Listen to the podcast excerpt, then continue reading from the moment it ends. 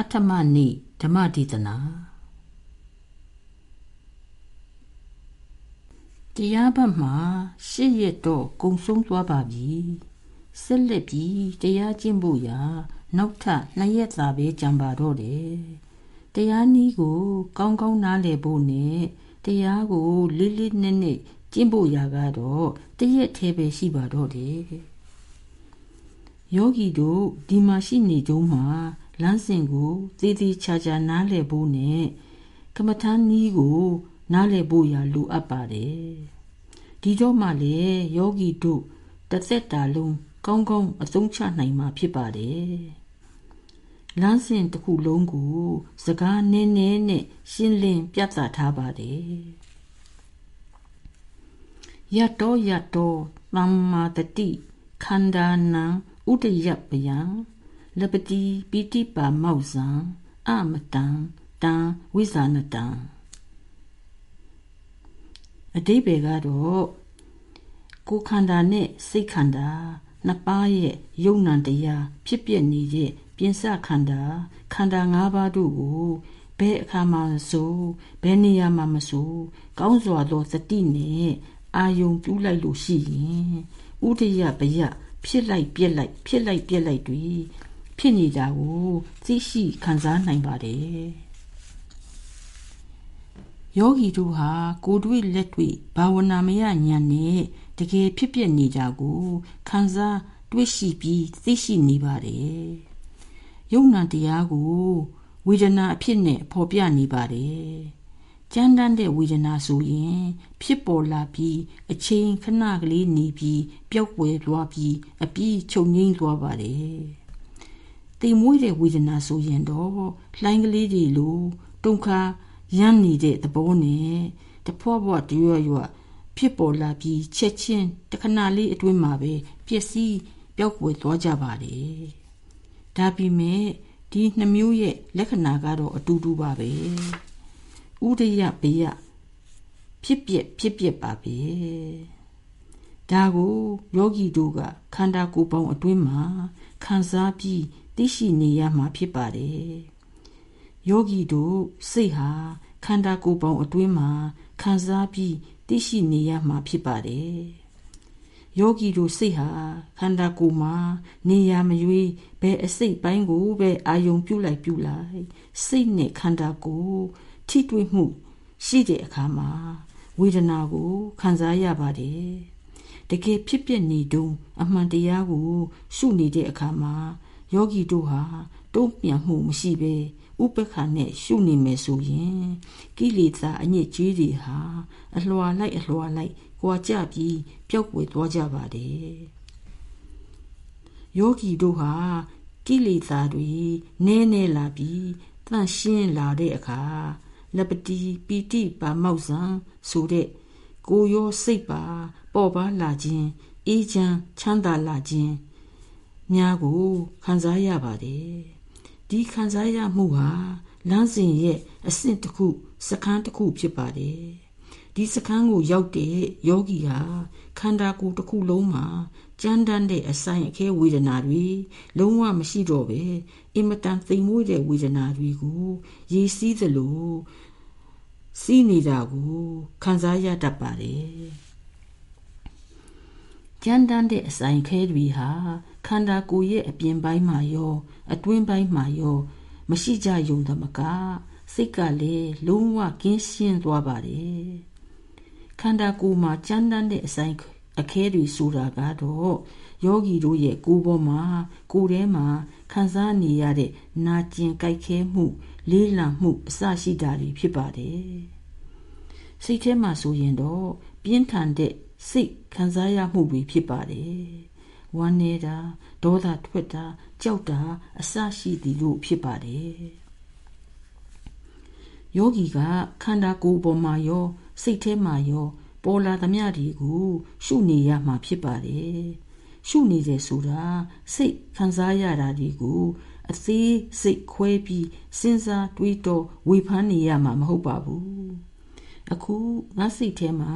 ခံစားရမှုဖြစ်နေတာဟာဒါပဲလို့ သိုံမျှသိပြီးလက်ခံဖို့ပါပဲဒီအချိန်မှာခန္ဓာကိုယ်မှာဘယ်လိုဝေဒနာတွေခံစားနေရတယ်လဲဆိုတာကို ရှုရမှာဖြစ်ပါတယ်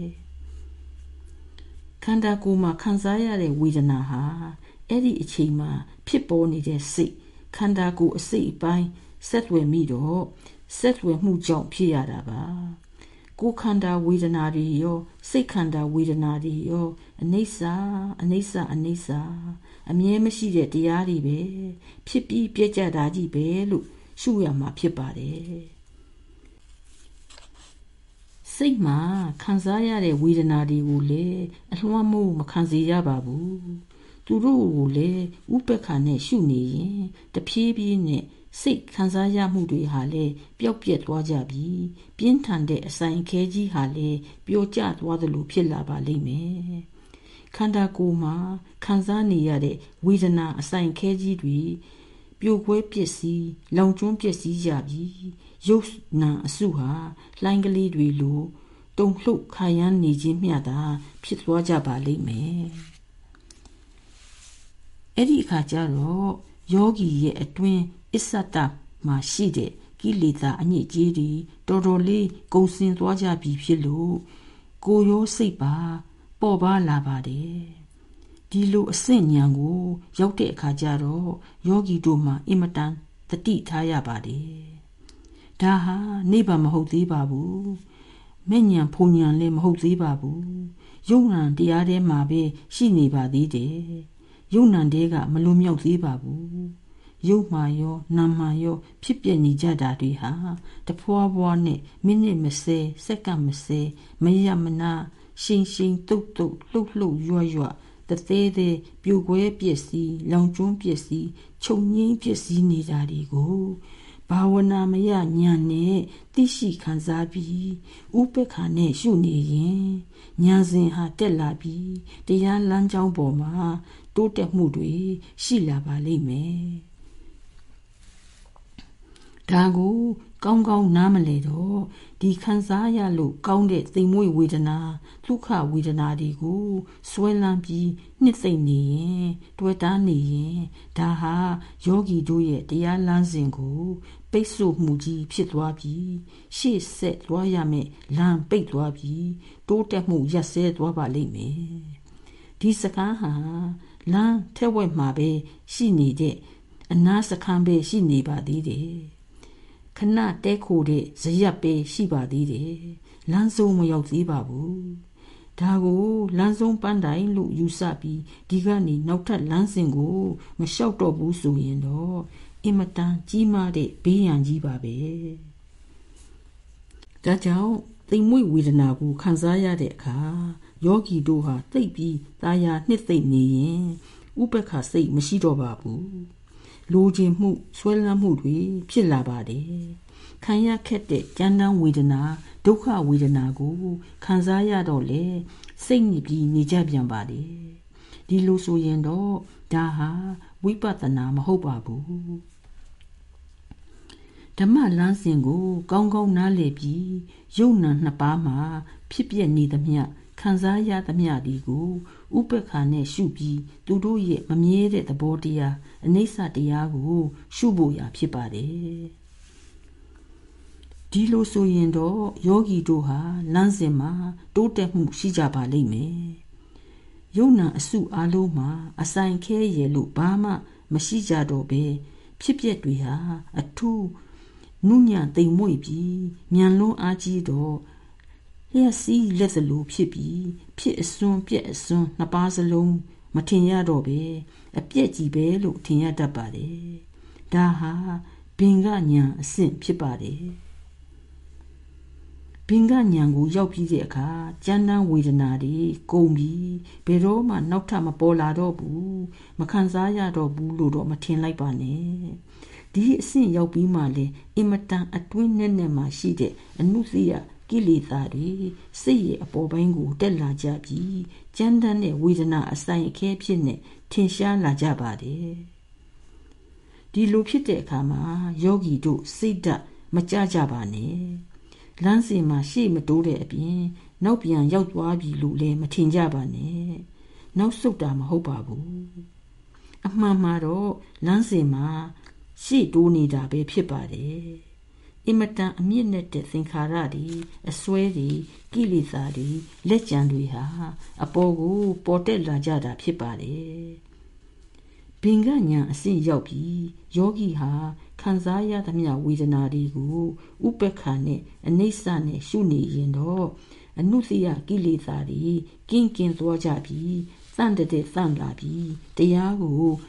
ဆက်လက်ကျင့်သွားမယ်ဆိုရင်တော့လမ်းဆုံးပန်းနိုင်ကိုရောက်ပြီး အဆုံးစွန်သော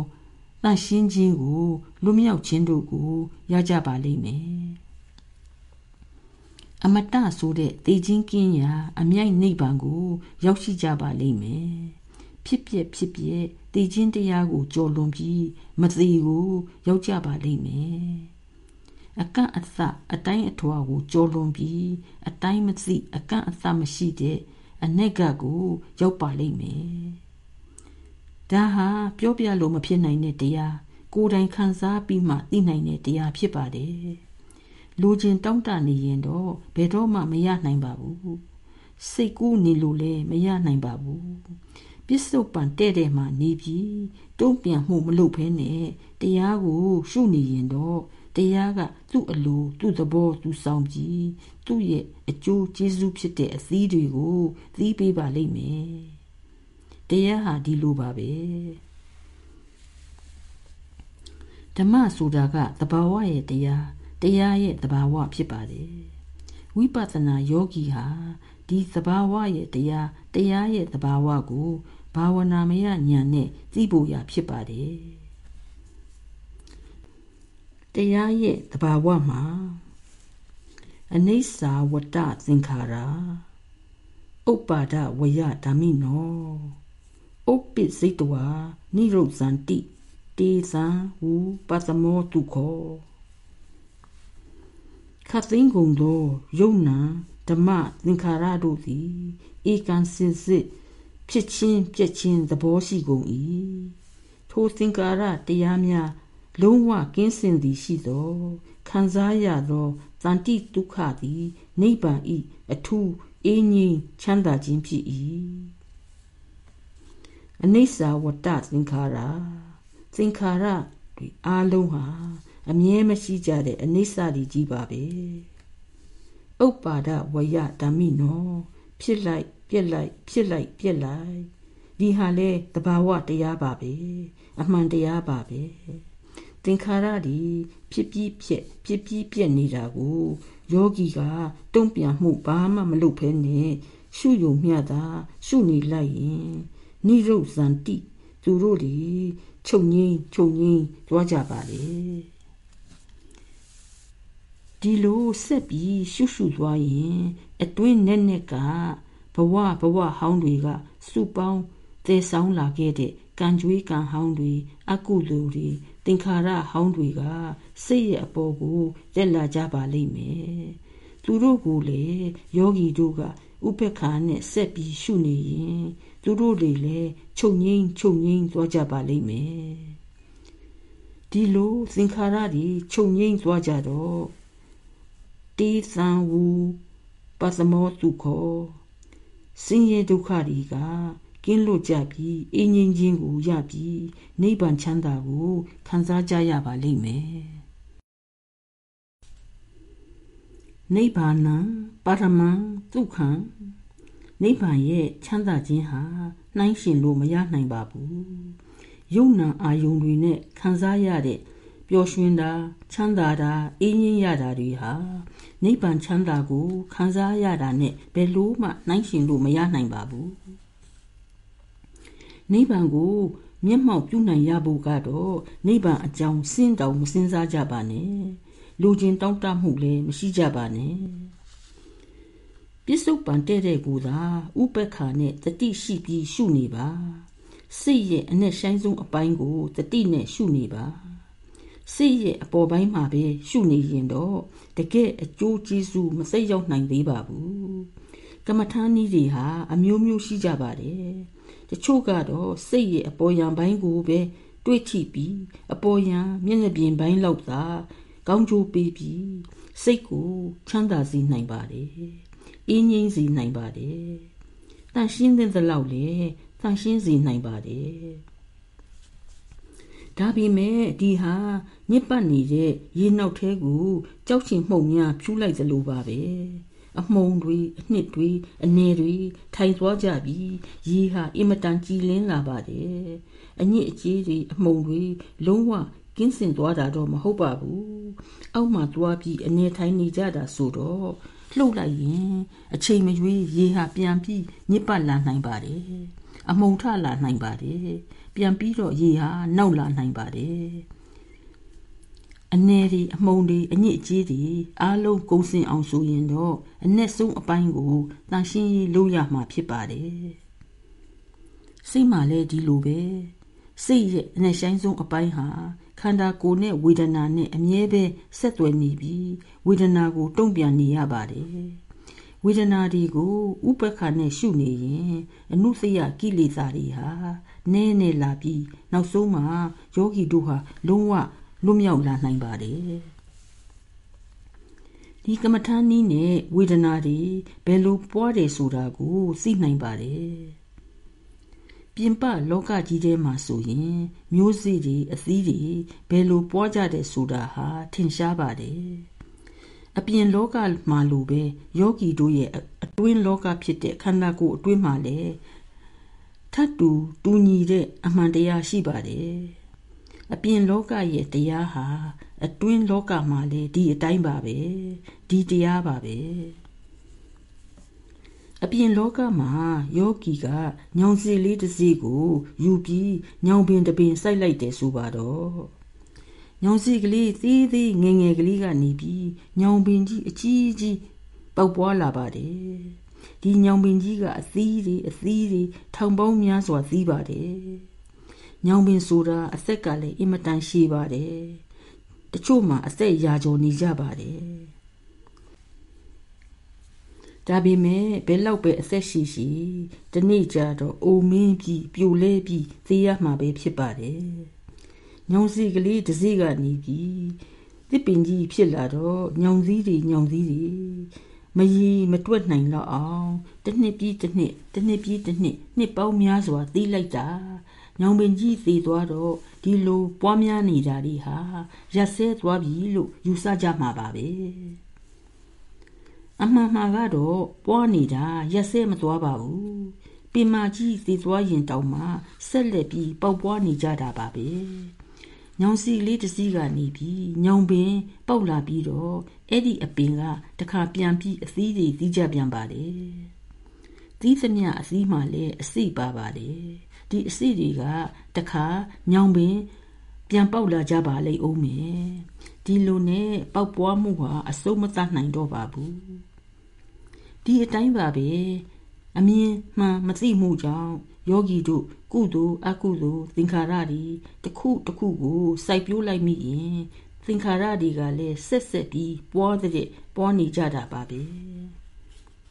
ဒီတော့ဘယ်နဲ့လောက်ကြရပါမလဲနီးကောင်းတစ်ခုတော့ရှိပါတယ်တဘာဝဓမ္မနီးပါပဲမျိုးစေ့တွေဟာအပင်ပေါက်လာနိုင်အောင်လို့မြေဩဇာကောင်းကောင်းလိုပါတယ် ဒီမျိုးစေ့ဟာ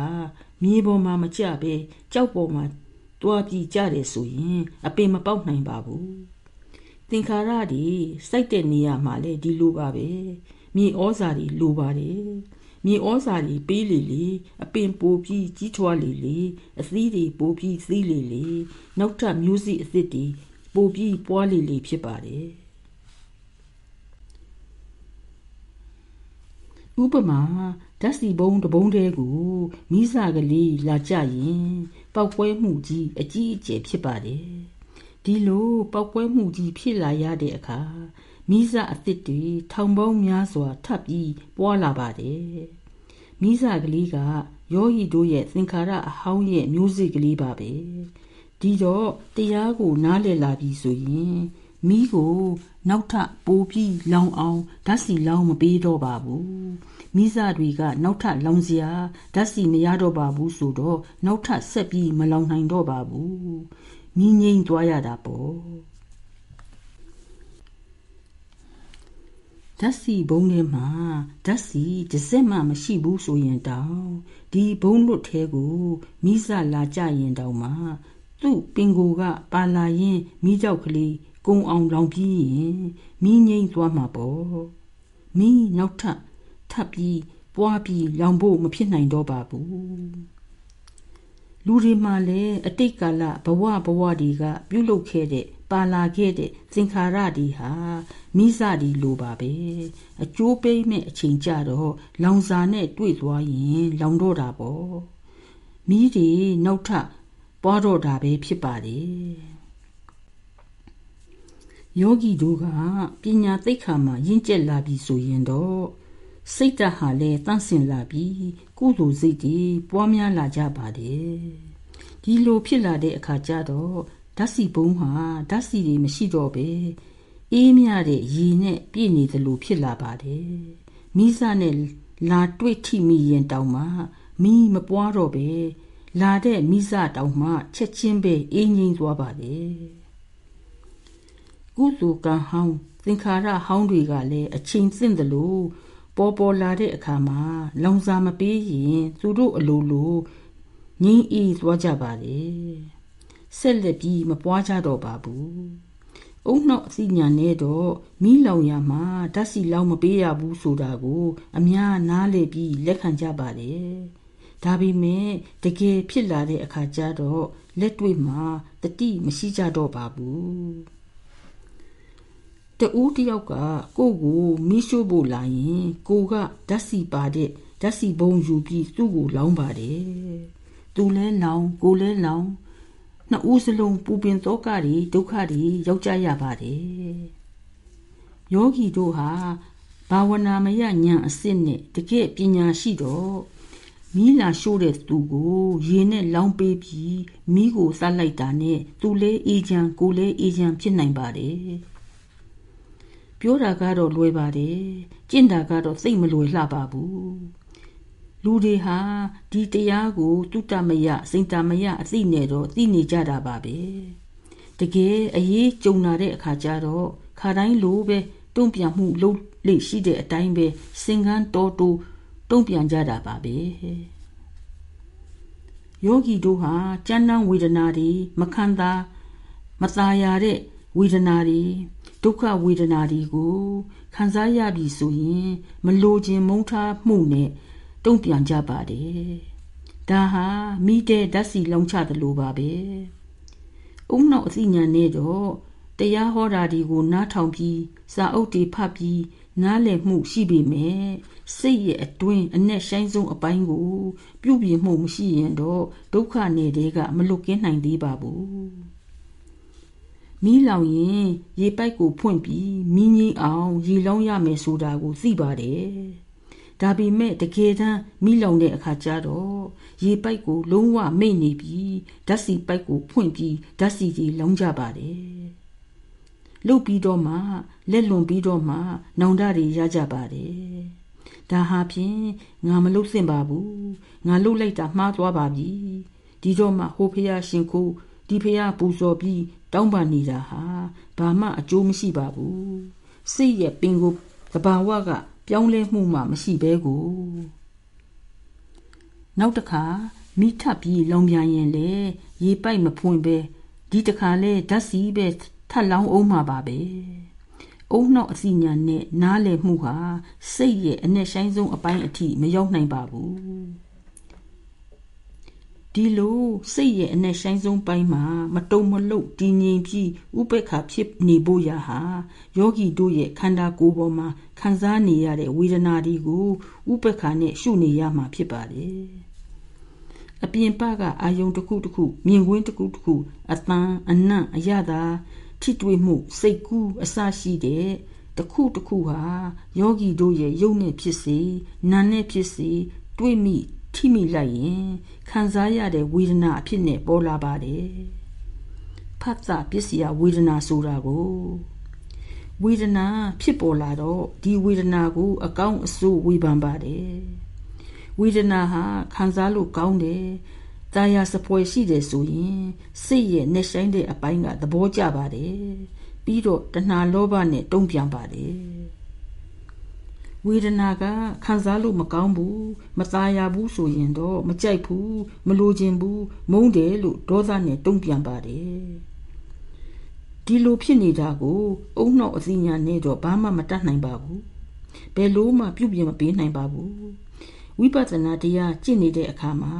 ဝေဒနာတွေကိုဥပ္ပခါနဲ့ရှုနေနိုင်ရင်တော့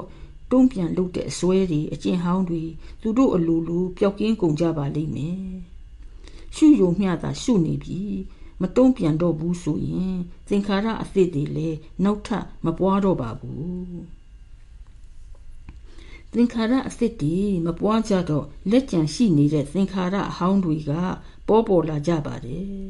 သူတို့ကိုလည်းဥပ္ပခါနဲ့ဆက်ပြီးရှုသွားမယ်ဆိုရင်သူတို့တွေလည်းပျောက်ွယ်ပျောက်ွယ်သွားကြပါတယ်ယောဂီတို့ကဘာမှအထူးတလဲလှုပ်ပေးမနေရပါဘူး ပေါ်လာသမျှဝေဒနာတွေကိုဥပ္ပခါနဲ့သာရှုပေးနေရင်တရားကသူ့တဘာဝအတိုင်းသူဆောင်သွားပြီးအနုစရကိလေသာတွေဟာစင်တဲ့စင်းစင်သွားပါလိမ့်မယ်အသက်ရှင်နေတယ်ဆိုတာယုံ nant တရားပါပဲယုတ်ခန္ဓာနဲ့နာမ်ခန္ဓာအစုအပေါင်းတို့စုပေါင်းထားမှုပါပဲလူတူအသက်ရှင်နေတယ်ဆိုတာဟာယုံနာနှမျိုးအမြဲဖြစ်ပွားနေပြီး ရေစီးနေတယ်လို့စီးနေတာဖြစ်ပါတယ်ဒီလိုမရမနာအမြဲပဲစီးနေဖို့ရအတွက်တွန်းအားဖြစ်ပေးဖို့ရလိုပါတယ်ခန္ဓာကိုယ်အတွက်ဆိုရင်အစာအာဟာရဖြည့်ပေးရပါတယ်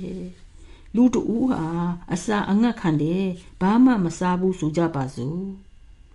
ပထမရက်တော့ဘာမှမဖြစ်ပါဘူးခန္ဓာကိုယ်ကဆက်ပြီးအသက်ရှင်နေကြပါပဲ 2ရက်3ရက်ကနေပြီး10ရက်ဇလ2လအထိအသက်ဆက်ပြီးရှင်နေပြီးနောက်ဆုံးကြတော့အသက်ရဆဲသွားပြီးသေဆုံးသွားပါတယ်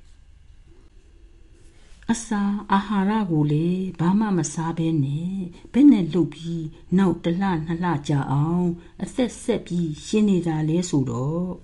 အာဟာရကို အခုမစားတော့ပြီမဲ့ဒီပုဂ္ဂိုလ်ရဲ့ခန္ဓာကိုယ်ထဲမှာ အရင်ကစားထားတဲ့အာဟာရတွေဟာအသားအဖြစ်အစီအဖြစ်တို့နဲ့တူလောင်ထားတာတွေရှိနေသေးတာကိုခန္ဓာကိုယ်ကဒီတိုးလှောင်ထားတဲ့အစီအစားအာဟာရတွေကိုစားပြီးအသက်ကိုဆက်ပေးနေတာဖြစ်ပါတယ်ကိုကိုကိုပြန်စားနေသလိုပေါ့တိုးလှောင်ထားတဲ့အသားတွေအစီတွေအားလုံးကုန်ခန်းသွားပြီး နောက်ထပ်ဘာမှမရှိတော့ဘူးဆိုတော့မှအသက်ရည်စည်းကြောင်းကနောက်ထပ်ဆက်ပြီးမစည်းနိုင်တော့ပဲရက်ဆဲသွားပါတယ်တည်သွားတာပေါ့စိတ်ကလည်းဒီလိုပါပဲဆက်လက်ပြီးဖြစ်ပွားနေအောင်တွန်းအားအတွက်စိတ်ရဲ့အာဟာရလည်းလိုပါတယ်စိတ်ရဲ့အာဟာရကတော့ယောဂီတို့ဖန်တီးပေးနေတဲ့ကုသိုလ်အကုသိုလ်သင်္ခါရတွေပေါ့ကိုယ်ခန္ဓာအတွက် အာဟာရကတော့တနေ့မှာတစ်ကြိမ်နှစ်ကြိမ်ကျွေးပေးမယ်ဆိုရင်ရပါပြီလုံလောက်ပါပြီဒါပေမဲ့စိတ်ခန္ဓာအာဟာရကတော့မရမနာတစ်ချိန်လုံးတခဏတိုင်းတခဏတိုင်းကျွေးပေးနေရပါတယ်တခဏလေးတိုင်းမှာသင်္ခါရတစ်ခုဟာဖြစ်ပွားနေမှနောက်တစ်ခုရဲ့စိတ်ဟာဖြစ်ပေါ်လာနိုင်ပါတယ်သင်္ခါရပစ္စယဝိညာဏံဆိုတဲ့အတိုင်းပါပဲသ င်္ခါရကြောင့်စိတ်ရဲ့အာယုံကိုသိတတ်တဲ့ဝိညာဉ်အပိုင်းပေါ်လာပါတယ်သင်္ခါရတစ်ခုဖြစ်ပွားတော့မှအာယုံကိုသိတတ်တဲ့စိတ်ကနောက်တစ်ခဏမှပေါ်လာပါတယ်ဒီလိုပဲသင်္ခါရနဲ့ဝိညာဏဟာသင်္ခါရပြီးရင်ဝိညာဏသင်္ခါရဝိညာဏသင်္ခါရဝိညာဏနဲ့စိတ်ဟာမရမနာမပြတ်မစဲပဲတစ်ဆက်တည်းစီးဆင်းနေပါတယ်ယောဂီတို့ဟာ ဒီကမ္မထာနည်းနဲ့ဝိပဿနာကိုကျင့်ကြတဲ့အခါကျတော့တကယ်ပဲဥပ္ပခါနဲ့တံပစင်နဲ့ကျင့်မယ်တုံ့ပြန်မှုလုံးဝမလုပ်တော့ဘူးဆိုရင်သင်္ခါရအသစ်တွေမဖြစ်တော့ပါဘူးအာဟာရမရတော့ပဲကိုစိတ်ခန္ဓာကလည်းသင်္ခါရဆိုတဲ့အာဟာရလိုပါတယ်အာဟာရမရတော့တွန်းအားဘယ်သူကပေးနိုင်ပါမလဲ နောက်တခဏအတွက်စိတ်ကိုဘယ်လိုဆက်ပြီးပြိုးရမလဲခန္ဓာကိုယ်အပိုင်းတုံးကပြောခဲ့သလိုပါပဲစိတ်ခန္ဓာဟာလည်းဒီနည်းအတိုင်းအတူတူပါပဲအတိတ်ကာလကအရင်တုန်းကစုဆောင်တိုးလှောင်ထားခဲ့တဲ့တိမ်မြုပ်နေတဲ့သင်္ခါရအဟောင်းတွေဟာပေါ်ထွက်လာကြပြီးသူတို့ကစိတ်ကိုဆက်လက်ဖြစ်ပွားစေပါတယ် နောက်မှအသီးသီးရမယ့်သင်္ခါရမျိုးစေ့တွေဟာစိတ်ခန္ဓာမှာအာဟာရမရှိတော့အခုအသီးသီးပေးကြရတာဖြစ်ပါတယ်မျိုးစေ့နဲ့အသီးဟာတဘာဝချင်းအတူတူပဲဖြစ်ပါတယ်လက္ခဏာချင်းလည်းတူကြပါတယ်ဒေါသသင်္ခါရမျိုးစေ့ကိုချတဲ့အချိန်တုန်းကကိုခန္ဓာပေါ်မှာအင်မတန်မခံတာတဲ့ဝေဒနာတွေကိုခံစားခဲ့ရရင်အဲ့ဒီ မျိုးစီအစည်းစည်းတဲ့အခါကြတော့လေအလားတူအကျိုးပေးပြီးမခံတာတဲ့ဝေဒနာတွေကိုပဲခံစားကြရပါတယ်ဒီအခါမှာယောဂီကဒီမခံတာတဲ့ဝေဒနာကိုဒေါသနဲ့တုံ့ပြန်မှုမလုပ်ဘဲသူလဲအနိစ္စပဲသူလဲမြဲတာမှမဟုတ်ပဲလို့တတိရှိနေပြီးဥပက္ခနဲ့ရှုနေရင်တော့သူ့ဟာသူအရှိန်ဒီပြေးသွားပြီးခြုံငိမ့်သွားကြပါလိမ့်မယ် နောက်ထပ်သင်္ခါရအစစ်ပွားမလာတော့ပါဘူးဒီလိုမှဒီလိုမှမဟုတ်လို့ယောဂီကမသားရတဲ့ဝေဒနာတွေကိုခံစားရတော့ဒေါသနဲ့တုံ့ပြန်လိုက်ရင်ဒေါသသင်္ခါရတွေတဖန်ပွားလာအောင်မှာပါပဲဒီလိုနဲ့ပွားတဲ့ပွားများတဲ့များလာရတာဖြစ်ပါတယ် သင်္ခါရအသစ်တွေမဖြစ်ရင်စိတ်ခန္ဓာမှာအာဟာရအဖြစ်မပြီးတော့ပဲအာဟာရဖြစ်စီတဲ့စူပေါင်းတိုးလောင်ထားတဲ့သင်္ခါရအဟောင်းတွေအနုစရကိလေသာတွေဟာပေါ်ထွက်လာကြပါတယ်သူတို့ကိုလည်းဥပ္ပခါနဲ့ရှုနေပြီးတုံ့ပြန်မှုမလုပ်ရင်သူတို့လည်းချုပ်ငိမ့်ပျောက်ကွယ်သွားကြပါတယ်ဒီလိုနဲ့ ဘဝဘဝတွေကစူပေါင်းတိုးလှောင်ပြီးတည်ယူလာခဲ့တဲ့သင်္ခါရအဟောင်းတွေကံဟောင်းကံကြွေးတွေကိလေသာဟောင်းတွေဟာအလွှာလိုက်အလွှာလိုက် ပေါ်လာကြပါတယ်ဒီလိုပေါ်လာတဲ့အခါမှာယောဂီဟာကြမ်းတမ်းတဲ့မခံတာတဲ့ဒုက္ခဝေဒနာအဖြစ်နဲ့ခံစားရတတ်ပါတယ်ဒီလိုခံစားရတဲ့အခါမှာတုံ့ပြန်မှုမလုပ်ဖို့ရအင်မတန်အရေးကြီးပါတယ် တုံ့ပြန်နေရင်တော့သင်္ခါရတွေထပ်ပြီးတိုးပွားကြမှာဖြစ်ပါတယ်ဒီတရားကိုအုံနှောက်အသိဉာဏ်နဲ့တုတ္တမယစိန်တမယအသိဉာဏ်နဲ့သိနေုံနဲ့တော့တန်တရားဝတ်စင်းရဲကမလွတ်မြောက်နိုင်သေးပါဘူးယောဂီတို့ဟာဘာဝနာမယဉာဏ်နဲ့ဝေဒနာဒီကိုခံစားရတဲ့အခါမှာမตายရတဲ့မခံတာတဲ့ဒုက္ခဝေဒနာဒီကို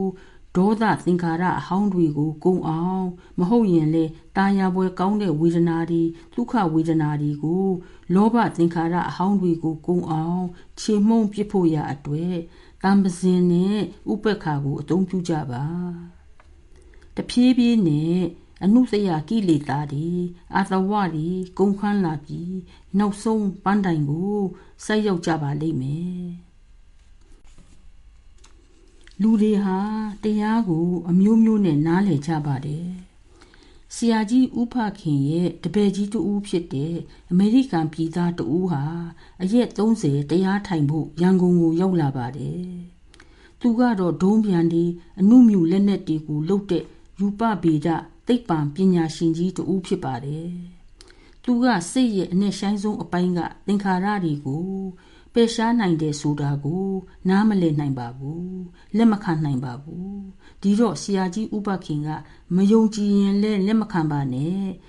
ဖះဟောတာမို့လို့လည်းလက်မခံပါနဲ့ဆရာသမားကပြောတာမို့လို့လည်းလက်မခံပါနဲ့ကျမ်းဂန်လာတာဖြစ်လို့လည်းလက်မခံပါနဲ့ကိုကိုယ်တိုင်လက်တွေ့ခံစားပြီးမှဘာဝနာမယညာနဲ့သိပြီးမှလက်ခံပါဒါပေမဲ့ကျွန်တော်ညွှန်ကြားပြသတာတွေကိုတော့ တသွေးမတိန်လိုက်နာပြီးတော့ကျင့်ပါကျင့်ရပါလိမ့်မယ်ကျင့်နိုင်မယ်ဆိုရင်တော့ခင်များမှာအကျိုးတူခံစားရပါလိမ့်မယ်လို့ပြောပါတယ်ဒီတော့သူကသဘောတူပြီးလက်ခံပါတယ်တလလုံးလုံးလေဝရိယနဲ့အားထုတ်ပြီးတရားကိုကောင်းကောင်းကျင့်ပါတယ်တရားပပြီးသွားတော့သူအင်မတန်သဘောကျအားရပြီးနှစ်သက်မှုရသွားပါတယ် ဒါပေမဲ့ဝေဒနာကိုရှုတာနဲ့ကိလေသာစင်တာဟာဘယ်လိုဆိုင်တာလဲဆိုတာကိုတော့နားမလည်နိုင်ဘူးလို့ပြောသွားပါတယ်သူသူ့နေရပြန်ရောက်တဲ့အခါကျတော့ဆရာကြီးဥပခင်ထံစာရေးပြီးသူ့ရဲ့ဘဝမှာပြောင်းလဲမှုတွေဖြစ်လာတဲ့အကြောင်းသူအရက်ပြတ်သွားတဲ့အကြောင်းသူ့ရဲ့အရင်ကအစင်မပြေဖြစ်နေတဲ့အိမ်အောင်ရေးအကြောင်းအလုတ်ဖွင့်မှာရော အိမ်အောင်ရေးမှာရောချောမောပြေပြစ်နေတဲ့အကြောင်းတွေကိုဖော်ပြပါတယ်အရင်ကလိုစိတ်တူတာတွေစိတ်ညစ်တာတွေလည်းသိမဖြစ်တော့ပါဘူးလို့လည်းပြောပါတယ်နောက်တစ်နှစ်လောက်ကြာပြီးတော့နောက်တစ်ခါ45ရက်တရားပတ်ဝင်ဖို့ရောက်လာပြန်ပါတယ်ဒုတိယအခောက်ပြန်သွားပြီးအတော်ကြာတော့ဆရာကြီးဥပခင်ထံစာရေးပြန်ပါတယ် ဝေဒနာရှုတာနဲ့ကိလေသာတွေဘယ်လိုဆင်းတယ်ဆိုတာကို အခုသူသိသွားပါပြီလို့လည်းပြောပါတယ်သူကတတ္တုပေဒပါရဂူလည်းဖြစ်ပါတယ်တတ္တုထဲမှာပါတဲ့အညစ်အကြေးတွေကိုကုံစင်အောင်လုပ်တဲ့အခါမှာအညစ်ကလေးအနှဲငယ်ကလေးအနုမြူလောက်ကလေးပါနေသေးရင်တောင်မှဒီတတ္တုဟာလုံးဝကင်းစင်ပြီလို့မခေါ်နိုင်သေးပါဘူး တတ္တုတွေထဲမှာအခြားတတ္တုတွေအညစ်အကြေးတွေရောနေတာကိုစင်ကြယ်သွားစေခြင်း အများအားဖြင့်တော့အရေးကြိုပြည့်ရပါတယ်ဒါပေမဲ့ဘယ်လိုပဲအရေးကြိုကြိုလုံးဝရာဂိုင်နှုံးအပြည့်တော့မစင်ကြယ်နိုင်ပါဘူးအနုမြူလေးလောက်သာကြမ်းနေသေးရင်တော့အရေးကြိုလို့လဲမရနိုင်တော့ပါဘူးဒီတော့ဒီတတ္တုကိုအချောင်းပုံစံသွင်းပြီး ရာဂိုင်နှုံးအပြည့်တန့်စင်ပြီးဖြစ်တဲ့ဒီတတ္တုမျိုးနဲ့ပဲဝင်းပုံစံကိုတတ္တုချောင်းပေါ်ကစွတ်သွင်းပြီးဆွဲလိုက်ရင်ဆွဲအားတစ်မျိုးဖြစ်ပေါ်လာပါတယ်တတ္တုချောင်းထဲမှာရှိတဲ့မစင်ကြဲတဲ့ဟာဒီအလုံးပျောက်ကွယ်သွားပြီးတတ္တုချောင်းဟာလုံးဝကင်းစင်သွားပါတယ် ဗုဒ္ဓကလည်းလူရဲ့တကူလုံးကိုခြေဆုံးကောင်းဆုံးစင်ကြယ်စေတဲ့အာယုံသိမှုကွင်းနဲ့စွတ်ပြီးကိလေသာတွေစင်ကြယ်ရေးကိုလုပ်တာပါပဲလို့သူကပြောပါတယ်ဒီကွင်းဟာလုံးဝမစင်ကြယ်ပဲအကုသိုလ်တွေကိလေသာတွေပါနေရင်တော့ခန္ဓာကိုယ်ထဲမှာရှိတဲ့အညစ်အကြေးတွေကိုဖယ်မထုတ်နိုင်ပါဘူးမစင်ကြယ်စေနိုင်ပါဘူးလို့ပြောပါတယ် သူကတော့သိပ္ပံပညာရှင်မို့သိပ္ပံနီးကြကြရှာဖွေပြောတာကိုတခြားလူတွေကဒါတွေကိုအသေးစိတ်လိုက်နေဖို့ရမလိုပါဘူးအင်းရှင်အမျိုးသမီးတွေဟာအဝိညစ်ပတ်တွေကိုရှော့ဖို့ကြတယ်လို့ပေါ့စက်ပြကောင်းကောင်းဝယ်ပြီးသုံးလိုက်ရင်ကြီးတွေအညစ်တွေဟာဆင်သွားတာပါပဲဒီစက်ပြထဲမှာဘာဆေးတွေပါတယ်ဘယ်ဆေးကဘယ်လို ကြီးကိုချွတ်တာတွေကိုအသေးစိတ်သိနေဖို့ရမလိုပါဘူးစက်ပြသုံးရင်ကြီးစင်တာပါပဲဒါကြောင့်ယောဂီတို့ကစိတ်ခန္ဓာအတွင်းကကိလေသာကြီးတွေကိုဝိပဿနာစက်ပြနဲ့ချွတ်ပြကြစမ်းပါ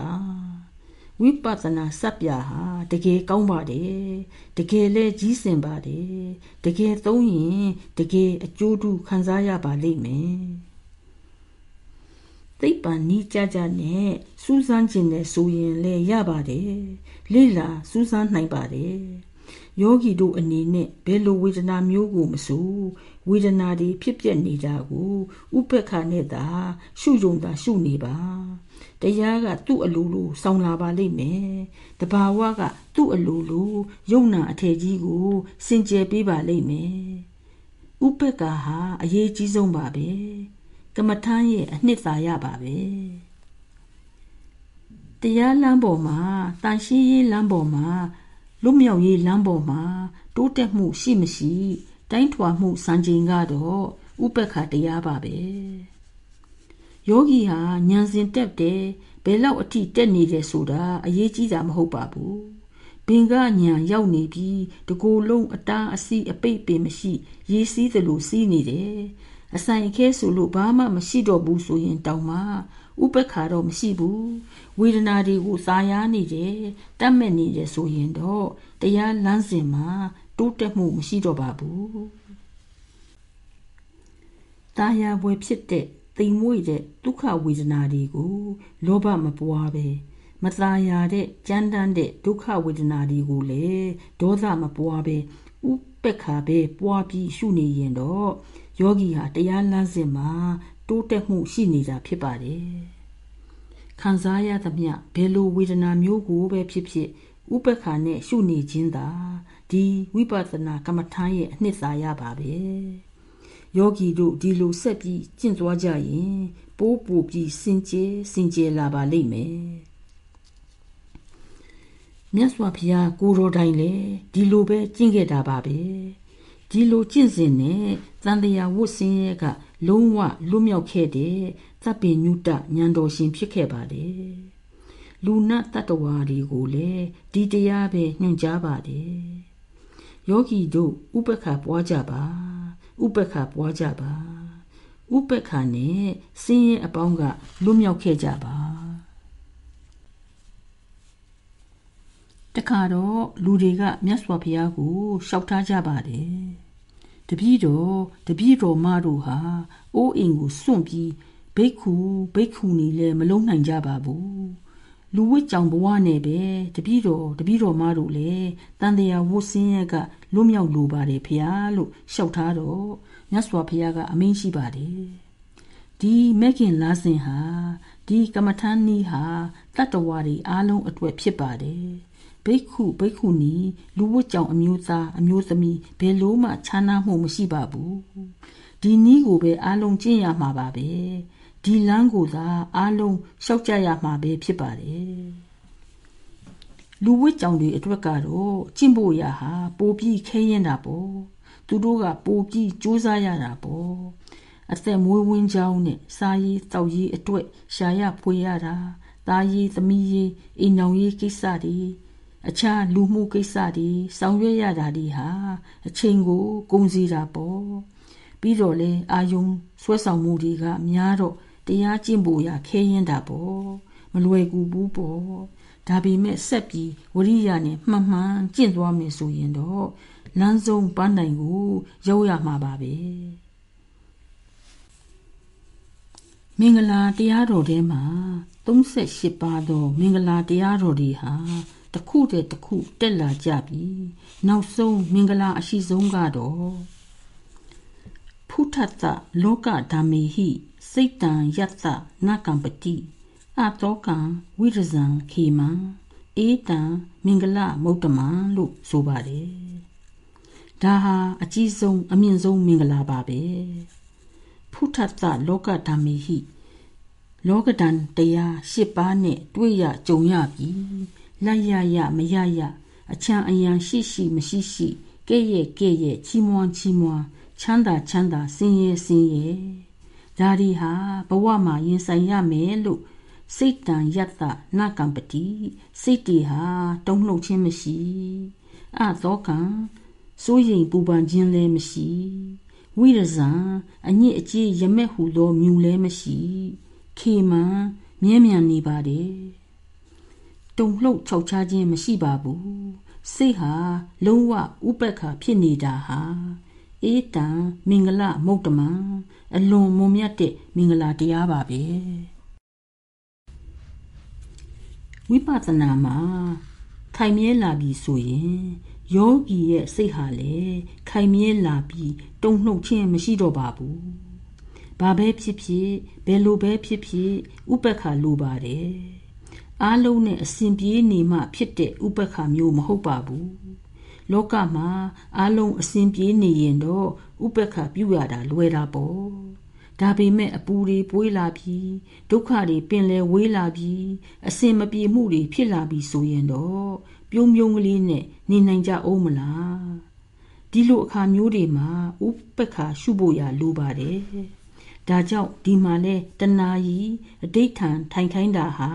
ဘယ်လောက်ပဲနာနာထုံထုံကြိုက်ကြိုက်ရရစိတ်ကိုလည်းငြိမ်ငြိမ်ကိုကိုလည်းမတုံမလှုပ်နဲ့နေပြီးတုံ့ပြန်မှုမပြုဘဲနေနိုင်အောင်ကျင့်ပေးနေတာပါပဲဥပက္ခပွားဖို့ကျင့်နေရတာဖြစ်ပါတယ်မြတ်စွာဘုရားကိုရိုတိုင်ကလည်းဒုက္ခဆင်းရဲအပေါင်းကဝိပဿနာနဲ့လွတ်မြောက်ရတာဖြစ်တော့တ တ္တဝါဒီကိုလည်းမဟာကရုဏာတော်သက်ရောက်တော်မူပြီးလွတ်မြောက်ကြရအောင်လမ်းပြညွှန်ကြားပေးခြင်းဖြစ်ပါတယ်ပထမဦးဆုံးပြင်စဝက်ကြီး၅ပါးကစပြီးနောက်ယဟန်90 900 9000တို့ကိုတိုးတိုးပြီးတရားဟာပြန်ပွားလာပြီးအိန္ဒိယပြည်မြောက်ပိုင်းကလူတွေတော်တော်များများကြီးပဲတရားရဲ့အကျိုးကျေးဇူးတွေကိုခံစားကြရပါတယ်။ ဒါပေမဲ့လည်းအတိုက်အခံလုပ်တဲ့သူတွေကတော့ရှိနေသေးတာပါပဲ။တချို့ကလည်းသူတို့ပင်ကိုမူလကိုးကွယ်တဲ့ဘာသာမိယိုးဖလာယုံကြည်မှုတွေနဲ့အတိုက်အခံဖြစ်မှာစိုးလို့တချို့ကလည်းသူတို့ရဲ့အသက်မိုးဝင်းချောင်းကို ထိခိုက်မှာစိုးလို့တချို့ကတော့လေမိယိုးဖလာလူယိုးလှုပ်စင်ပူဇော်ပတ်တာတာတွေကို ကိုးကွယ်တာတွေကိုလှုပ်ပေးပြီးအသက်မူးဝင်းချောင်းရှာသူတွေဖြစ်တော့မြတ်စွာဘုရားရဲ့တရားကို လူတွေကလိုက်နာသွားရင် သူတို့ရဲ့လှုပ်ရိုးလှုပ်စင်တွေမလှုပ်ကြရတော့သူတို့ရဲ့ထမင်းအိုးကွဲမှာကြောက်လို့မြတ်စွာဘုရားရဲ့တရားဓမ္မတွေကိုလက်မခံကြပါဘူးအဲ့ဒီအချိန်ကာလတုန်းကဆိုရင်တရားပွဲတွေကျင်းပပြီးအပြိုင်အဆိုင်တရားဆွေးနွေးပွဲတွေလုပ်လေရှိပါတယ် တချို့လူတွေကမြတ်စွာဘုရားနဲ့တရားစကားအခြေအတင်ပြောဖို့လာကြတဲ့အခါဘယ်အချက်တွေကိုပြောရပါမလဲလို့စဉ်းစားတော့သူ့ကျင့်စဉ်သူ့တရားကိုအပြစ်ရှာဖို့ဆိုပြီးသူ့ကျင့်စဉ်ကဘာလဲလို့စုံစမ်းကြည့်တော့မြတ်စွာဘုရားရဲ့လမ်းစဉ်ကကျင့်စဉ်ကသီလသမာဓိပညာဆိုတာကိုသိကြပါတယ်သီလဆိုတာကောင်းတာပဲဒီအချက်ကိုပြောလို့မဖြစ်ပါဘူး တမာတိဆိုတာကရောစိတ်ကိုတည်ငြိမ်အောင်လုပ်တာ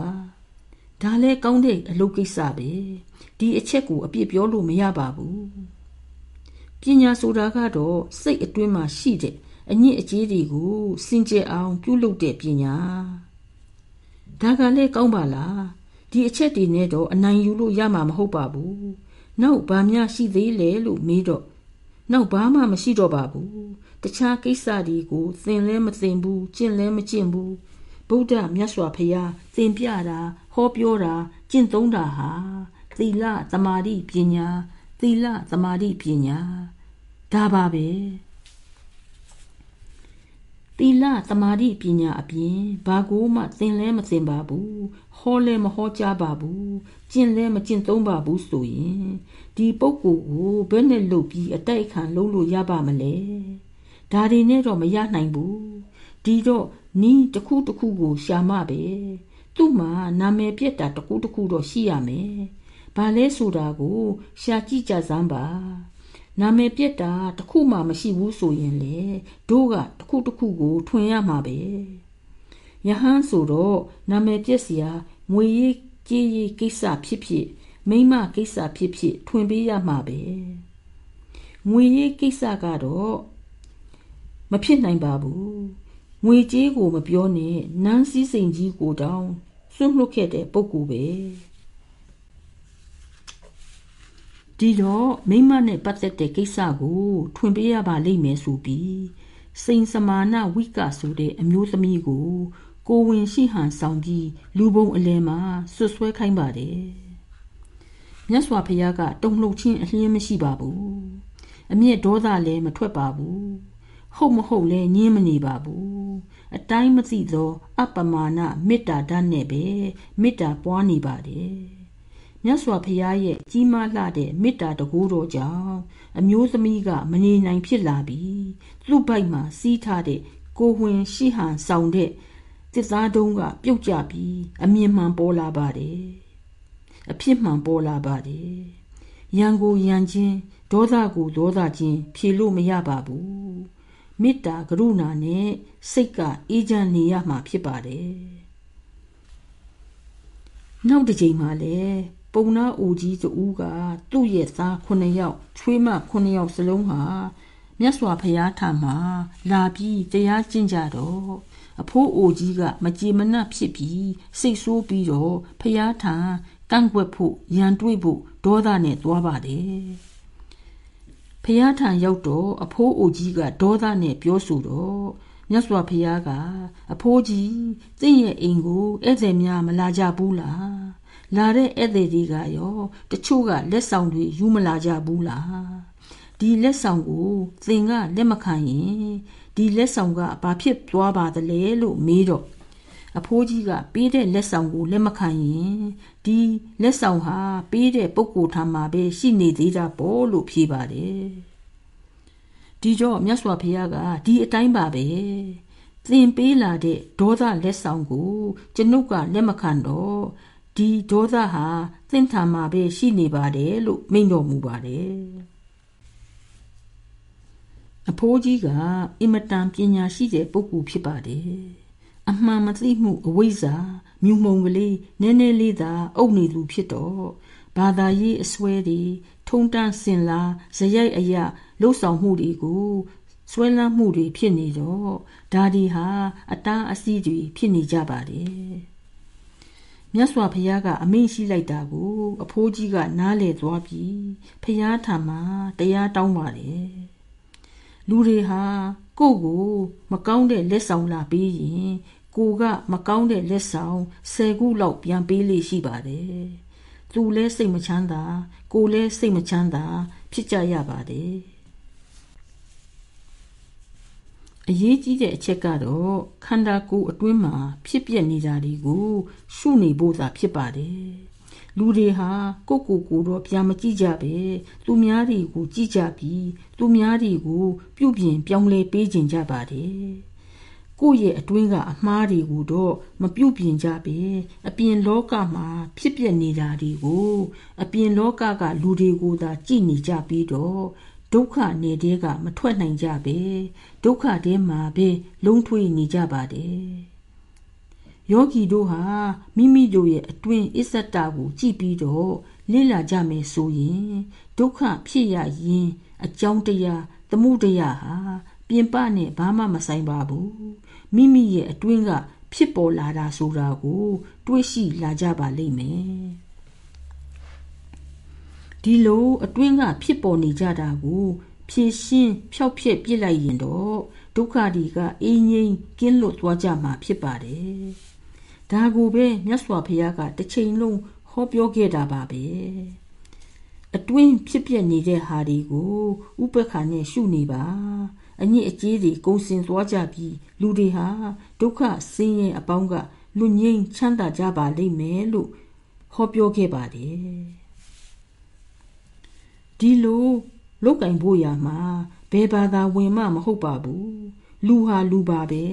လူဆိုရင်လူမျိုးမရွေးဘာသာမရွေးအကုသိုလ်မှုတွေကိုဒုစရိုက်တွေကိုကျူးလွန်ကြရင်အကုသိုလ်စိတ်တွေနဲ့တုံ့ပြန်ကြရင်ဒုက္ခတွေကြုံရတွေ့ရကြမှာပါပဲအကုသိုလ်စိတ်တွေဖယ်ရှားလိုက်နိုင်ပြီစိတ်ဟာတန်ရှင်းစင်ကြယ်လာပြီဆိုရင်တော့ဒုက္ခတွေကလွတ်မြောက်ကြမှာမလွဲပါဘူးဒါဟာသဘာဝဓမ္မအတိုင်းပါပဲ စိတ်ရဲ့အနဲ့ဆိုင်ဆုံးအပိုင်းကိုဥပက္ခနဲ့ရှုနေပါဥပက္ခစိတ်ပွားပါဆိုတာဟာအသက်မရှိတဲ့ငပြောတုံးကြီးလိုလှုပ်လို့ရလှုပ်ဓာတ်နဲ့ခုတ်ခုတ်ဒုံနဲ့ရိုက်ရိုက်ငါဟာဝိပဿနာယောဂီပဲလို့လုပ်နေရမယ်လို့ဆိုလိုတာမဟုတ်ပါဘူးယောဂီတို့ဟာလည်းလူပဲလူနေသလိုနေရမှာပေါ့ လုပ်ရမယ်နေရာကြတော့လေရဲရဲတင်းတင်းကြံ့ကြံ့ခိုင်ခိုင်လှုပ်သိရင်လေလှုပ်ကြရမှာဖြစ်ပါတယ်ရဲရဲတင်းတင်းကြံ့ကြံ့ခိုင်ခိုင်လှုပ်တယ်ဆိုတာဟာဒေါသစိတ်နာကြီးတဲ့စိတ်အကုသိုလ်စိတ်တွေတစိုးတစီမှမပါစေရပါဘူးဒီလိုအခါမျိုးမှာဆိုရင် ကိုယ်စိတ်ကိုကိုပြန်ပြီးစစ်ဆေးကြည့်ပါငါစိတ်ဟာအခုအချိန်မှာ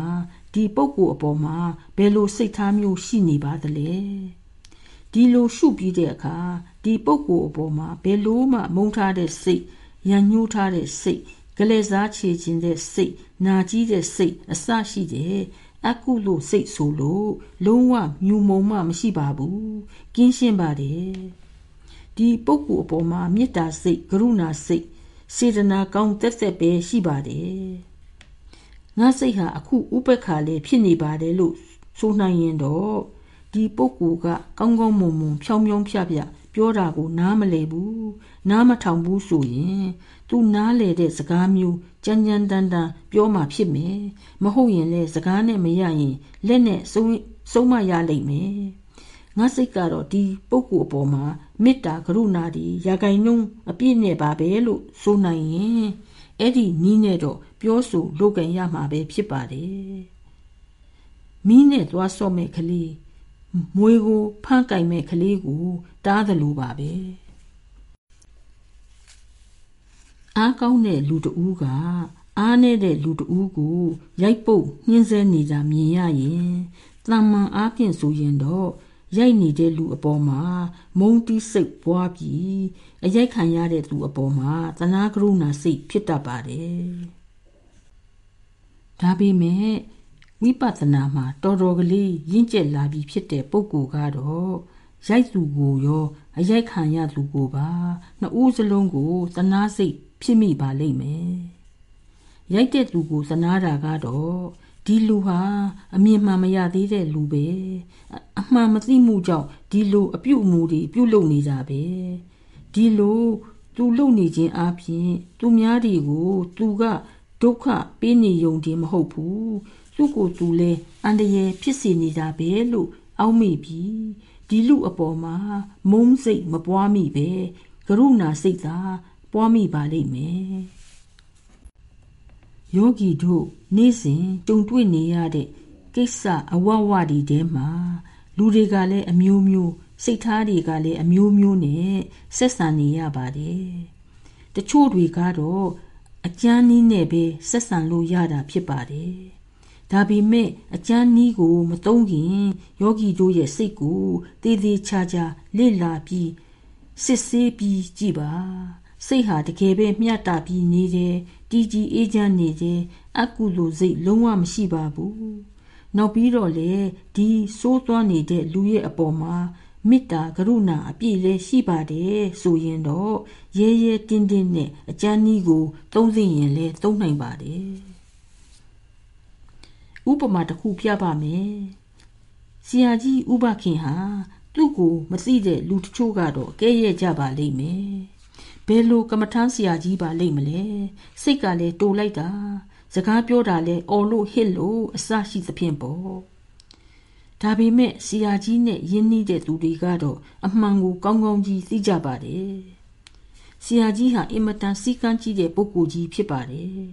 သူခေါင်းဆောင်ပြီးလုပ်နေတဲ့အစိုးရရုံးမှရောတရားစခန်းမှရောစီကန်းဒီဥပဒေဒီအချိန်စရာတွေကိုတသွေမတိန်လိုက်နာကြရပါတယ် တရားထိုင်ရမှာပေါ့ပေါ့ဆဆလုံနေပြီးအပြင်ခဏခဏထွက်နေတဲ့ယောဂီတွေ့ရင် ပထမတစ်ခါနှစ်ခါတော့ကြည်နေပါသေးတယ်အပေါ့အပားများသွားကျင်နေသလားလို့ဒီယောဂီကခဏခဏထွက်နေမယ်ကောင်းကောင်းဝရိယမထုတ်ဘူးဆိုရင်တော့အဲ့ဒီယောဂီတတိသာထားပြီးတော့အော်ခံအစုခံရတော့မှာပါပဲဒါပေမဲ့ဒေါသနဲ့ မုန်းထားတဲ့စိတ်နဲ့အော်ခြင်းပြောခြင်းစူခြင်းမဟုတ်ပါဘူးမေတ္တာကရုဏာစေတနာနဲ့အပြည့်နဲ့ဖြစ်ပါတယ်ရွာထဲမှာသွားပြီးအိုးရင်းတွေတွေအိုးဖုန်နေတာကြည့်မယ်ဆိုရင်အိုးရင်းတွေကအိုးကိုမိမဖုတ်ခင်အိုးကိုလက်နဲ့ပုတ်ပုတ်ပြီးပြီးနေရတာကို တွေ့ရပါလိမ့်မယ်ဒီလိုလက်နဲ့ပုတ်ပုတ်ပြီးတာဟာအိုးကိုကွဲအောင်လုပ်နေတာမဟုတ်ပါဘူး အိုးကိုပိုပြီးခိုင်မာလာအောင်လုပ်ပေးနေခြင်းဖြစ်ပါတယ်ဒါပေမဲ့ပုတ်ပေးနေတဲ့အခါမှာတော့တခြားလက်တစ်ဖက်ကအိုးကိုအောက်ကနေပြီးဖေးမှပြီးထိမ့်ပေးထားရတာကိုတွေ့ရပါလိမ့်မယ်ဒီလိုအောက်ကနေထိမ့်ပေးထားတဲ့လက်ကမေတ္တာလက်ကရုဏာလက်ဖြစ်ပါတယ်ဒီလက်မပါဘဲပုတ်ရင်တော့အိုးဟာကွဲသွားမှာဖြစ်ပါတယ် ဒီမေတ္တာလက်ဟာအောက်မှာရှိနေပြီဆိုရင်တော့တခြားလက်နဲ့ပုတ်ချင်တဲ့လောက်ပုတ်နိုင်ပါလေလူတွေနဲ့လည်းဒီလိုပါပဲသူတို့ကို ကောင်းစေခြင်းလို့သာပုတ်ပေးရတာဖြစ်ပါတယ်အန္တရာယ်ဖြစ်အောင်လုပ်တာမဟုတ်ပါဘူးပုတ်မဲ့လူကိုယ်တိုင်ကဒေါသစိတ်တွေမုန်းစိတ်တွေမကင်းဘူးဆိုရင်တော့သူ့ကိုယ်သူအန္တရာယ်စပေးနေပါပြီကိုကိုယ်တိုင်ကမှ ကိုကိုကိုအန္တရာယ်ကင်းအောင်မလုပ်နိုင်ဘဲနဲ့ဘယ်နဲ့လုပ်ပြီးလူများကိုအန္တရာယ်ကင်းအောင်လုပ်ပေးနိုင်ပါမလဲဒါကြောင့်ကိုကိုကိုအရင်ဆုံးဆုံးမပါစိတ်ကိုငြိမ်သက်အေးချမ်းပြီးဥပက္ခဖြစ်ပြီးနေပါစေမေတ္တာကရုဏာအပြည့်ရှိပါစေအကုသိုလ်စိတ်တည်ကင်းပါစေပြီးတော့မှလုပ်ရမယ့်အလုပ်ကိစ္စကိုလုပ်ပါဆုံးမစရာရှိတာကိုဆုံးမပါ ရိုက်သိရင်လည်းရိုက်ပါကိုယ်စိတ်ကိုထိမ့်သိမ့်ဖို့ရာကအရေးကြီးပါတယ်ပစ္စုပန်မှာစိတ်ကိုထိမ့်သိမ့်ထားနိုင်ရင်အနာဂတ်မှာအလုံးကောင်းမွန်စရာအကြောင်းရှိပါတယ်အတ္တာဟိအတ္တနောနာထောအတ္တာဟိအတ္တနောဂတိမိမိသာလျှင်မိမိ၏ကိုယ်ွယ်ရာအရှင်သခင်ဖြစ်ပါတယ်မိမိရဲ့စိတ်ကိုစိုးပိုင်ပြီး ပစ္စုပန်ကိုအုပ်ချုပ်နိုင်ရင်ယောဂီဟာမိမိရဲ့ဘဝကိုဖန်တီးနိုင်တဲ့မိမိရဲ့ရှေ့ရေးကိုစိုးပိုင်နိုင်တဲ့အရှင်သခင်ဖြစ်ပါတယ်နောက်ဆုံးကြတော့အနာဂတ်ဆိုတာဟာပစ္စုပန်ကသိရောက်တဲ့အကျိုးပါပဲပစ္စုပန်ကိုပြောင်းလဲပြုပြင်ပေးလိုက်ရင်အနာဂတ်ကလည်းသူ့အလိုလိုပြုပြင်ပြီးပြောင်းလဲပြီးဖြစ်နေပါလိမ့်မယ်မြတ်စွာဘုရားကဒီကမ္ဘာလောကကြီးမှာ လူတွေဟာအမျိုးအစားလေးမျိုးလေးစားရှိတယ်လို့ဟောကြားတော်မူခဲ့ပါတယ်ပထမအမျိုးအစားကတော့အမှောင်တဲကနေအမှောင်တဲကိုပြေးနေကြတာဖြစ်ပါတယ်ဒုတိယအမျိုးအစားကတော့အလင်းတဲကနေအမှောင်တဲကိုပြေးနေကြပါတယ်တတိယအမျိုးအစားကတော့အမှောင်တဲကနေအလင်းတဲကိုပြေးနေကြပါတယ် သရုတ်ထအမျိုးအစားကတော့အလင်းတဲကနေအလင်းတဲကိုပြေးနေကြပါတယ်ပထမအမျိုးအစားတွေကလူတွေဟာအမှောင်တဲကနေအမှောင်တဲကိုပြေးနေကြပါတယ်ဆိုတာကတော့အခုသူတို့ဘဝမှာဒုက္ခအမျိုးမျိုးတွေခံစားနေရပါတယ်ကိုရောစိတ်ပါဒုက္ခတွေရောက်နေကြပါတယ်အိမ်တောင်ရေးစီးပွားရေးလူမှုရေးတွေဟာလည်း ဘာမှအစင်မပြေကြပါဘူးသူတို့ဘဝဟာမှောင်အတိကျနေကြတာပါပဲသူတို့ရဲ့အတွင်းစိတ်မှလည်းအလိမ္မာတရားမရှိကြပါဘူးအကုသိုလ်စိတ်တွေပဲပွားနေကြပါတယ်သူတို့ဘဝမချမ်းသာတာတွေကိုငါယောက်ျားကမကောင်းလို့ငါမိန်းမကမကောင်းလို့ငါသားကငါအဖေကငါတငယ်ချင်းကသူများတွေအပေါ်မှာပဲအပြစ်တင်ပြီးနေကြပါတယ် စိတ်ထဲမှာတော့မုန်းတာတွေမနာလိုတာတွေလူကျင်တဲ့လောဘတွေအကုသိုလ်တွေသာပွားများနေတော့အခုအကုသိုလ်မျိုးစေ့တွေကို ပြိုးနေတာဆိုတော့နောင်အနာဂတ်မှာလည်းအကုသိုလ်အစည်းကြီးကြီးကြပြီးဆင်းရဲဒုက္ခတွေနဲ့ပဲနေကြရပါလိမ့်မယ်အခုလဲဒုက္ခနောင်လဲဒုက္ခဒီလိုပုံကိုများကို အမှောင်တဲကနေပြီးအမှောင်တဲကို ပြေးနေတယ်လို့ခေါ်ရပါတယ် ဒုတိယအမျိုးအစားကတော့အလင်းတဲကနေပြီးအမှောင်တဲကိုပြေးနေကြဖြစ်ပါတယ်အလင်းထဲမှာဆိုတော့ဒီပုဂ္ဂိုလ်ဟာအခုဘဝမှာ လောကစည်းစိမ်တွေကိုခံစားနေရပါတယ်။စီးပွားရေးလူအဆင့်အတန်းဥစ္စာပစ္စည်းအားလုံးပြည့်စုံပါတယ်။သူ့ဘဝကလင်းနေတယ်လို့ဆိုနိုင်ပါတယ်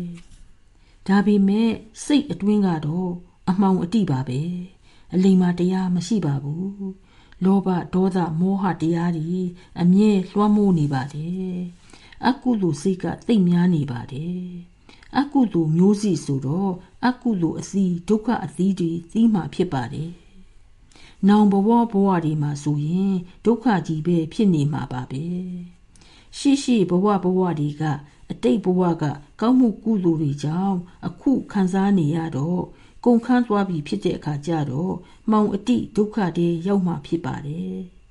ဒီတော့ဒီပုဂ္ဂိုလ်ဟာအလင်းတဲကနေအမှောင်ထဲပြေးနေတာပါပဲတတိယအမျိုးအစားကတော့အမှောင်ထဲကနေပြီးအလင်းထဲပြေးနေတာဖြစ်ပါတယ်အခုဘဝမှာဆင်းရဲအတိဖြစ်တဲ့အမှောင်ထဲမှာနေရပြီမယ်အတွင်းစိတ်ထဲမှာတော့တရားရှိပါတယ် ကုသိုလ်စိတ်တွေလည်းရှိပါတယ်ကောင်းတဲ့ကရုဏာစိတ်မေတ္တာစိတ်ဥပေက္ခစိတ်တွေလည်းရှိပါတယ်အခုဘဝမှာမှောင်နေပေမဲ့လို့အလင်းမျိုးစီးတွေစိုက်ပျိုးနေတော့နောင်အနာဂတ်မှာအလင်းရောင်အသီးတွေတီးကြပြီးနောင်ဘဝဘဝတွေမှာချမ်းသာကြပါလိမ့်မယ်ဒီလိုပုံကိုယ်တွေကတော့အမှောင်တွေကနေပြီးအလင်းတဲ့ပြေးနေကြတာဖြစ်ပါတယ် စဒုဋ္ဌအမျိုးအစားကတော့အလင်းတဲကနေပြီးအလင်းတဲကိုပြည့်နေကြတဲ့သူတွေဖြစ်ပါတယ်အခုဘဝမှာအားလုံးပဲချမ်းသာဒုက္ခရှိကြပြီးအစဉ်ပြေကြပါတယ်အတွင်းစိတ်မှလည်းအလိမ်မာရှိကြပါတယ်တရားရှိကြပါတယ်ကုသိုလ်စိတ်တွေလည်းထားပြီးကုသိုလ်တွေလည်းပွားများပါတယ်တတ္တဝါတွေအပေါ်မှာမေတ္တာကရုဏာတွေထားကြပါတယ်အလှူဒါနလည်းရရောပါတယ် သီလလည်းမြဲပါတယ်အကုသိုလ်စိတ်လုံးဝမထားပါဘူးအကုသိုလ်အလုပ်လည်းလုံးဝမလုပ်ပါဘူးအခုဘဝမှာပြိုးနေတာကလည်းအလင်းရောင်မျိုးစိဆိုတော့နောင်ဘဝဘဝတွေမှာသီးမှာကလည်းအလင်းရောင်အသီးပဲဖြစ်ပါလိမ့်မယ်သူတို့ကတော့အလင်းထဲကနေပြီးအလင်းထဲကိုပြင်းနေကြလူများပဲဖြစ်ပါတယ် ယောဂီတို့ဟာဒီလေးမျိုးထဲမှာဘယ်အမျိုးအစားထဲမှာပါကြပါသလဲအခုဘဝမှာဖြစ်နေတာကိုတော့ရွေးလို့မရပါဘူးအရင်အတိတ်တုန်းကလုပ်ခဲ့တဲ့ကုသိုလ်ကအကုသိုလ်ကအလျောက်အခုဖြစ်နေကြရပါတယ်အခုဘဝခီးလမ်းကြောင်းမှာတခါတလေလဲအမှောင်ရှိပါတယ်တခါတလေလဲအလင်းရှိပါတယ်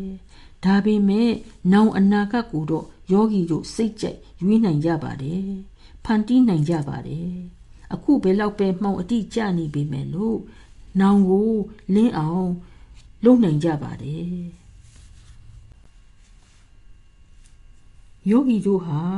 ယောဂီတို့ရဲ့အနာဂတ်ရဲ့အရှင်သခင်တွေဖြစ်ကြပါတယ်အခုလိုတရားထိုင်တဲ့နီးအကျင့်ကိုကျင့်သုံးကြပြီးအခုပြစ္ဆုတ်ပံရဲ့အရှင်သခင် ဖြစ်နေုံသာမက အနာဂတ်ရဲ့အရှင်သခင်လည်းဖြစ်နိုင်ကြပါတယ်ဒီကမ္မထာနည်းကိုသေသေးချာချာတိတိကျကျနားလည်ဖို့ရလိုပါတယ်အခုကြန့်ရှိနေသေးတဲ့အချိန်နဲ့ရရှိတဲ့အခွင့်အရေးတွေကိုအကောင်းဆုံးနည်းနဲ့အသုံးပြုကြပါတရားထိုင်တာဟာအမြင့်ဆွဲသွားအောင်စောက်တည်ပေးကြပြီးကိလေသာတွေအကုသိုလ်တွေကင်းစင်သွားအောင် တန်ရှင်းရေးလုပ်ပေးကြပါအမြင့်အကျေးတွေစင်ကြယ်စေတဲ့စပ်ပြဖြစ်တဲ့ကြီးချွတ်စည်းဖြစ်တဲ့ဒီကမ္မထာနီးကိုကျင့်သုံးပြီးကိလေသာအညစ်အကြေးတွေကိုတန်ရှင်းရေးပြုလုပ်ပေးပါ